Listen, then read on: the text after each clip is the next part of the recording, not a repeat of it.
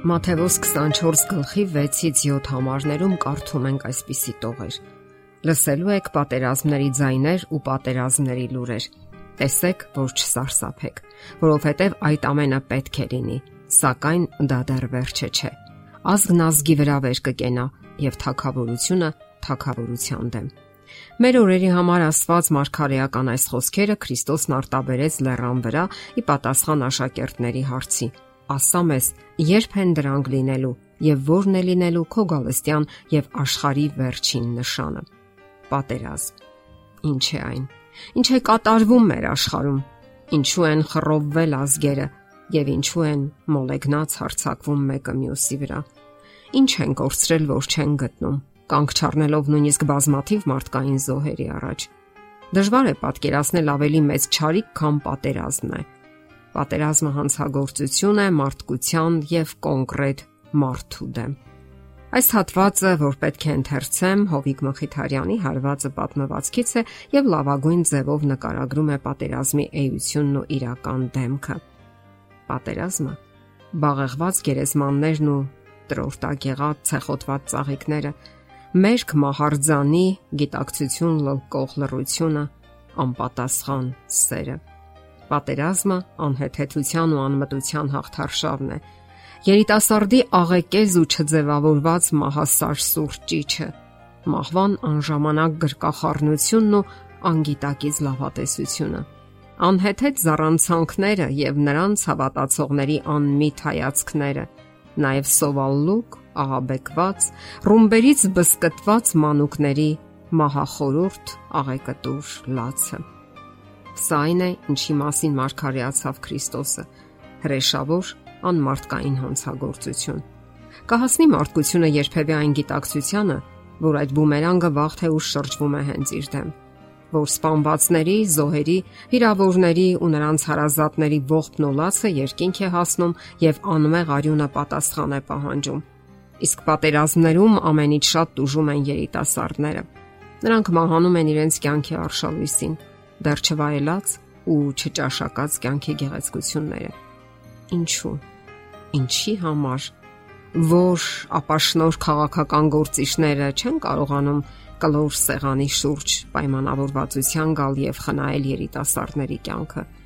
Նրանց կյանքի հաշվին պետք է լուծվեն այս աշխարհի հիմնախնդիրները։ Անձնական փառամոլության, հարստության ու եսասիրության, հպարտության նկարտումները ով է տալու մեր աշխարհում կատարվող անարթարությունների ու պղծությունների պատասխանը։ Արդյոք ոչ այս աշխարհի հարուստներն ու փառամոլությամբ լեցուն քաղաքական գործիչները, ովքեր պատերազմներ են հրահրում, ինչ աճում է նրանց ունեցվածքն ու պերճ կյանքի հնարավորությունը, ճունևորների զավակները կյանքով են հատուցում։ Երիտասարդների գերեզմաններ չպետք է լինեն նրանց ուղված հետ մահու ներբողներ չպետք է հնչեն։ Նրանք զինվոր են, իսկ մինչ այդ մարդ են, երիտասարդ, կենսուրախ ու պայծառ, լի երազանքներով եւ ապագայի հանդեպ լավատեսությամբ ու սիրով։ Սակայն մի պահի հանկարծ կտրվում է նրանց կյանքի թելը։ Կխաղաղվի երբևէ մեր այս հոգնատանջ միլիոնավոր անմեղ երիտասարդների արյամբ ներծծված հողը։ Կլռի երբևէ այրեացած ու ворթայկորույս կանանց երկնքին ուղված ու ողոքավոր լացը։ ու անմեղ երեխաների աղեկտուր ողբն ու սարսափահար ճիչերը։ Հիսուս Քրիստոսի մարգարեական խոսքերը ասում են, որ ժամանակների վերջում պատերազմներ են լինելու եւ դրանք կատարվում են մեր աչքի առաջ։ Բայց արդյոք միայն պատերազմներն են հոշոտում մեր երկիր մոլորակը։ Մարդիկ այսօր այնպես են վարվում, կեղծում ու գեղեցիկ ստերով մոլորեցնում միմյանց ու ուրիշներին, որ կարծես Աստված գոյություն չունի Նրանց խոսքերն ու գործերը երբեք չեն համընկնում։ Այդ մարդիկ այնպես են պատկերացնում, որ եթե մարդկանց խափեն եւ հաջողությամբ խուսափեն մարդկային դատ ու դատաստանից, ապա ամեն ինչ լավ կլինի։ Նրանք այնքան են խորացել իրենց կեղծիքի ու մոլորությունների մեջ, որ այլևս չեն տարբերում ճիշտն ու սուտը։ Իսկ մեր մոլորակը չի հանդարտվում։ Շարունակվում են սուտն ու կեղծիքը, խափեությունն ու ահաբեկչությունը, բռնի մահերն ու սարսափները, ապագայի հանդեպ հիասթափությունն ու անհուսությունը։ Իսկ եթե այս ամենին ավելացնենք մոլեգնող համաճարակներն ու որոշ տարածքներում քաղցի խնդիրը, տարերային աղետներն ու շրջակա միջավայրի խնդիրները, ապա պատկերն ավելի հստակ կերևա։ Սակայն Քրիստոսի մարգարեական խոսքերը միայն պատերազմի կանխագուշակմամբ չեն ավարտվում։ Շարունակելով իր միտքը, նա ասում է, որ երկրային ժամանակը մեզ հավերժ չի տրված, երբ կավարտվի ավետարանչական մեծ աստվածային ծրագիրը եւ յուրաքանչյուր մարդ կլսի փրկության ու Քրիստոսի վերադարձի մասին լուրը, կգա վերջը։ Քրիստոսը վերադառնալու է։ Նա գալու է արդեն պատրաստի դատավճռով Յուրաքանչյուր մահ այսօր մեզ ցավ է պատճառում։ Սակայն Քրիստոսն ասում է, որ մահը դեռևս ավարտը չէ։ Նա ասում է, որ հարություն կա, եւ այդ լուրը կենթանացնում է ներկայի ու ապագայի հույս ներարկում։ Թող ոչինչ չշփոթեցնի եւ չխռովի ձեզ։ Մենք գիտենք, որ մահը երբեք ավարտը չէ։ Մենք հավերժ չենք բաժանվում մեր սիրելիներից։ Հարության հրաշալի օրը աննկարագրելի բերկրությամբ կլցվեն մարդկային սրտերը վերստին կյանքի կկոչվեն նրանք, ովքեր անարթար պատերազմների բռնության անմեղ զոհեր են, ովքեր մահացել են Աստծո անունն իրեն շուրթերին։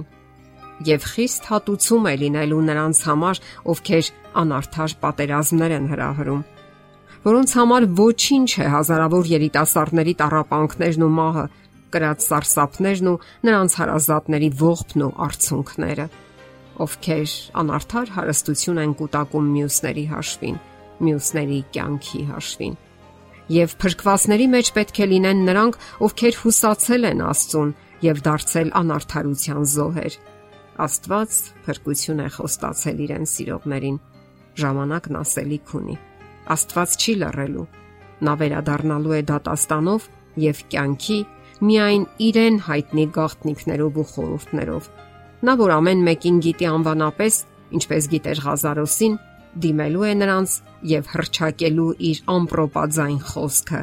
Քեզ եմ ասում, դուրս եկ։ Եվ ինչպես մահը նահանջեց Քրիստոսի խոսքերի առաջ եւ Ղազարոսը կենթանի դուրս եկավ գերեզմանից, այնպես էլ Քրիստոսով ննջածները դուրս կգան գերեզմաններից հավերժ ապրելու համար եւ իրենց պատիժն ու հավիտենական կորուստը կստանան բոլոր անարթարներն ու ամբարիշտները ամբարտավանները։ Եվ ինչպես արթարացի է արթարների փրկությունը, այնպես էլ միանգամայն արթարացի կլինի ամբարիշտների ու չարագործների պատիժը։ Այդպես է վկայում Աստծո խոսքը։ Եթերում է ղողանջ հավերժության հաղորդաշարը։ Ձեզ հետ է Գեղեցիկ Մարտիրոսյանը։ Հարցերի եւ առաջարկությունների համար զանգահարել 033 87 87 87 հեռախոսահամարով։